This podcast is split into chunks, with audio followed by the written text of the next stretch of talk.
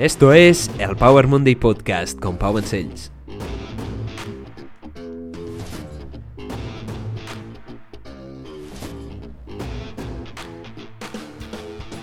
Bienvenidos a Power Monday Podcast, soy Pau, tu apasionada de fitness, motivación y ciencia, y hoy te traigo un episodio muy especial. Estoy seguro que ya debes haber probado alguna de estas hamburguesas vegetales, carne vegetal o sustituto de la carne que están entrando tan fuertemente en el mercado y quizás te hayas hecho algunas preguntas. Así que he realizado una investigación sobre este tema y hoy te voy a hablar de todo lo que he aprendido, cómo se hacen, cómo se consigue esta textura fibrosa a partir de vegetales, em, por qué las necesitamos tanto y ¿son saludables? Y también al final de este episodio te voy a traer una frase que me gusta muchísimo de Bruce Lee. Así que vamos a empezar este episodio con la carne vegetal.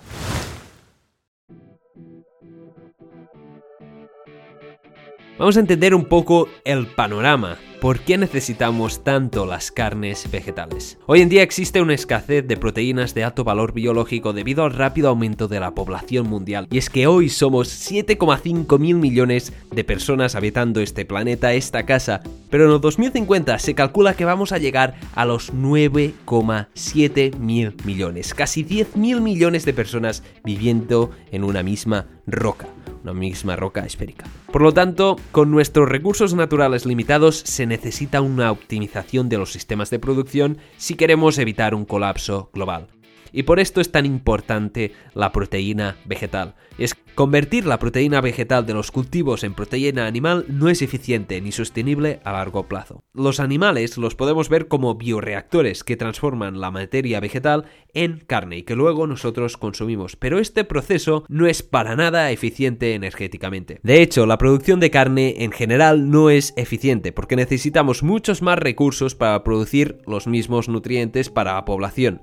Por ejemplo, para producir un kilo de carne animal versus un kilo de carne vegetal se necesitan 18 veces más tierra, 10 veces más cantidad de agua, se emiten 10 veces más de gases de efecto invernadero y se utilizan muchos más pesticidas y fertilizantes. Porque al fin y al cabo, convertir la proteína vegetal de los cultivos en proteína animal no es eficiente ni sostenible a largo plazo. Y es que los ratios de conversión de energía no mienten. La producción de carne no es sostenible cuando la comparas con la producción de proteína vegetal y nunca lo va a ser porque necesitas proteína vegetal en primer lugar para producir carne.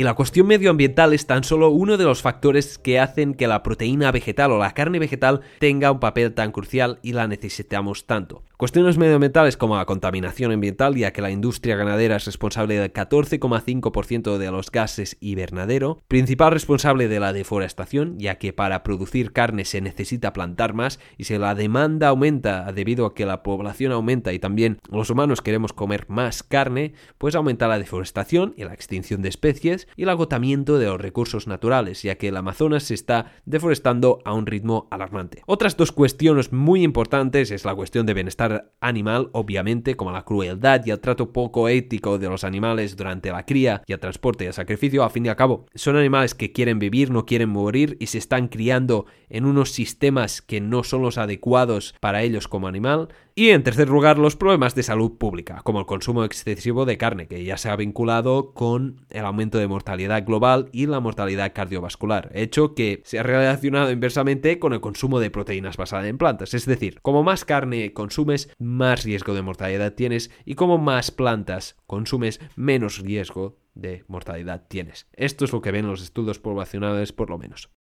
Y entonces, ¿cómo se produce la carne vegetal? ¿Cómo se produce? ¿Es saludable? Y el proceso es que, a ver, es que es un poco chocante, ¿no? Que de un vegetal se obtenga una textura parecida. No sé si lo habéis probado, pero es bastante brutal. En primer lugar, debemos entender de dónde vienen las carnes vegetales. Claro está que tienen un origen vegetal, pero se puede utilizar legumbres, se pueden utilizar cereales y hasta se pueden utilizar hongos. La mayoría de carnes vegetales se produce a través de la proteína aislada de legumbres como la soja. Esta proteína se obtiene separando la materia grasa con un proceso de extracción y prensado. Luego se coge esta proteína aislada y se somete a un proceso de extrusión. La extrusionadora es un tornillo muy largo sometido a presión, es un tornillo infinito que está sometido a presión y con un agujero al final y al final hay unas cuchillas en plan ventilador que van cortando el churro que sale, ¿no? La proteína aislada pasa por el tornillo y con la fricción y la presión se genera calor que esto causa un cambio de conformación en las proteínas generando esta estructura fibrosa. Al final del túnel, al final del tornillo hay esa cuchilla que va cortando y así se decide el tamaño. Este proceso de extrusión se utiliza no solo para producir carnes vegetales, sino que principalmente se utiliza para crear cereales, cereales de desayuno o también esas típicas patatas de bolsa como los chetos o todo eso, también se produce por extrusión de cereales. Entonces, ¿son saludables las carnes vegetales? Pues bien, depende del producto, pero el producto inicial es bien saludable. La proteína aislada, al fin y al cabo, es saludable ya que el procesado altera muy poco la calidad nutricional. Son productos altos en fibra, altos en proteína, que tienen mm, micronutrientes esenciales y algunos polifenoles. El problema es el resto de ingredientes cuando se procesa aún más, cuando se hacen hamburguesas, cuando se hacen productos para imitar la carne animal, como aceites, como otros aditivos que no se recomienda tanto su consumo o un consumo elevado. Aún así, hay productos que tienen menor cantidad de estos aditivos, o la soja texturizada seca, que en realidad es solo el producto de la extrusión del aislado de la soja. O también podemos encontrar otras marcas que no añaden tantos aditivos como vendría a ser Eura, que solo añaden aceite de oliva, un poco de sal y un poco de especies, por lo que se puede considerar realmente saludable. La verdad es que los resultados son increíbles. El resultado de textura y gusto que consigue Eura, por ejemplo, es brutal y los platos que se pueden hacer solo con soja texturizada son increíbles. Quizás no es tan saludable como el tofu, pero se aproxima mucho, ya que el procesado, como he dicho, es bastante respetuoso y las diferencias que se ven son mínimas. Entonces, si tienes en cuenta esto y la eficiencia energética, está claro que el futuro es basado en plantas en cuanto a la alimentación proteica. Y es que es nuestro destino aunque no lo queramos. Poco a poco se van mejorando estos procesos para mejorar el gusto, mejorar el perfil proteico, aislando mejores proteínas y también si te interesa esto de las carnes vegetales o de los sustitutos o análogos de carne como se conocen, se están empezando a realizar carnes de laboratorio que también se prevé que sean mucho más eficientes energéticamente que la carne de los animales. Y además no vamos a tener que sacrificar animales. Déjame en los comentarios qué opinas tú de los sustitutos de la carne o los análogos de carne o las proteínas texturizadas basadas en plantas. Eh, existen muchas formas de llamarlos, pero está claro que estamos viviendo una auténtica revolución. Una auténtica revolución, un auténtico cambio en el paradigma de la alimentación. Y llegará un punto que será muy normal comer carne vegetal. Vamos a por la frase de la semana. La consistencia a largo plazo vence la intensidad a corto plazo. La consistencia a largo plazo vence la intensidad a corto plazo. De Bruce Lee.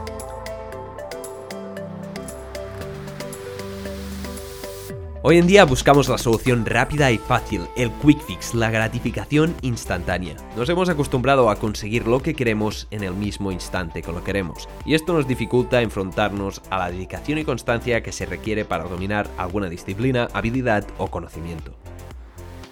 Para progresar a largo plazo debemos ser consistentes, perfeccionar los básicos y encontrar alguien que nos guíe, alguien que ya haya pasado por este camino. La solución rápida y real o el auténtico quick fix es darse cuenta que las soluciones rápidas y fáciles no existen y que el camino nunca es fácil y se requiere caminar constantemente. De hecho, conocemos esta lección desde pequeños, se nos cuenta la fábula de la liebre y la tortuga, pero aún así parece que nos cuesta de integrar este concepto en nuestra forma de actuar y en nuestras creencias. Por eso creo que son tan cruciales los hábitos. Unos hábitos adecuados te van a llevar hacia la trayectoria que deseas y unos hábitos no saludables y negativos te van a llevar a tu perdición. El problema es que a menudo intentamos compensar el efecto acumulativo de los hábitos negativos con la intensidad a corto plazo, y aunque muchas veces conseguimos salvar la situación, como algunos exámenes estudiando a última hora por ejemplo, al final terminamos perdiendo. La clave es modificar tus sistemas de hábitos para que jueguen a tu favor. Puedes hacer lo que puedes hacer y está claro que lo único que puedes modificar y cambiar es tu comportamiento, tu lenguaje y en qué te centras, dónde pones tu foco. Todo el resto no se puede modificar, solo te puedes modificar a ti mismo. Y esto no va de esfuerzo, sino de utilizar coherentemente los sistemas de hábitos para que te lleven al éxito, si al fin y al cabo nuestro cerebro está adicto a los hábitos. El autor de esta frase es ni más ni menos Bruce Lee. Bruce Lee nació en San Francisco, en California, en 1940 y murió en 1973 en Hong Kong muy tristemente. La verdad es que fue un destacado artista marcial, maestro en artes marciales, actor, cineasta, filósofo y escritor estadounidense de origen hongkonés. Bruce Lee es considerado por los críticos y los medios expertos y grandes artistas marciales como el artista marcial más influyente de todos los tiempos. Es el artista marcial más influyente de la historia y un icono de la cultura pop y del fitness. De hecho, es uno de los referentes del fitness y hoy en día lo sigue siendo. Y es que para mí Bruce Lee es un ídolo, para mí es un referente y un mentor que transmite una filosofía increíble, una filosofía de mejora constante, de trabajar en uno mismo, de disciplina y constancia, y creo que es el claro ejemplo de esta frase. Te recomiendo muchísimo que eches un vistazo a las entrevistas que le realizan y cómo habla de filosofía y cómo cambió todo el fitness. Existen varios documentales, echa algún vistazo a alguna de sus películas. Así que céntrate en mejorar tus hábitos. Pregúntate qué puedes mejorar, qué puedes optimizar. Empieza con la constancia, con pequeños cambios que van a cambiar tu trayectoria. Por ejemplo, leer 10 minutos al día como yo he empezado este año no parece muy poderoso, ¿verdad? Pero al cabo del tiempo esto va a tener un efecto acumulativo y voy a acumular mucho conocimiento. 10 minutos al día durante 365 días son 3.650 minutos. Así que, ¿qué hábitos vas a incorporar constantemente este año? Déjamelo en los comentarios, envíame alguna respuesta. La verdad es que si compartes tus hábitos, tienes más probabilidades de conseguirlos. Muchísimas gracias por haber escuchado este episodio. Espero que te haya gustado muchísimo o hayas sacado mucho valor de él. Recuerda, si te ha gustado, por favor, compártelo, déjale algún me gusta, envíalo a un amigo, haz lo que puedas o lo que quieras y te lo voy a agradecer muchísimo y de corazón. Recuerda, las carnes vegetales van a ser el futuro de la alimentación y quizás debas invertir un poco en las acciones de empresas que producen carnes vegetales. Y también la constancia a largo plazo siempre vence la intensidad a corto plazo. Vamos a mejorar los hábitos y vamos a cambiar nuestra trayectoria. Muchísimas gracias por estar ahí. Nos vemos en el próximo episodio. Chao.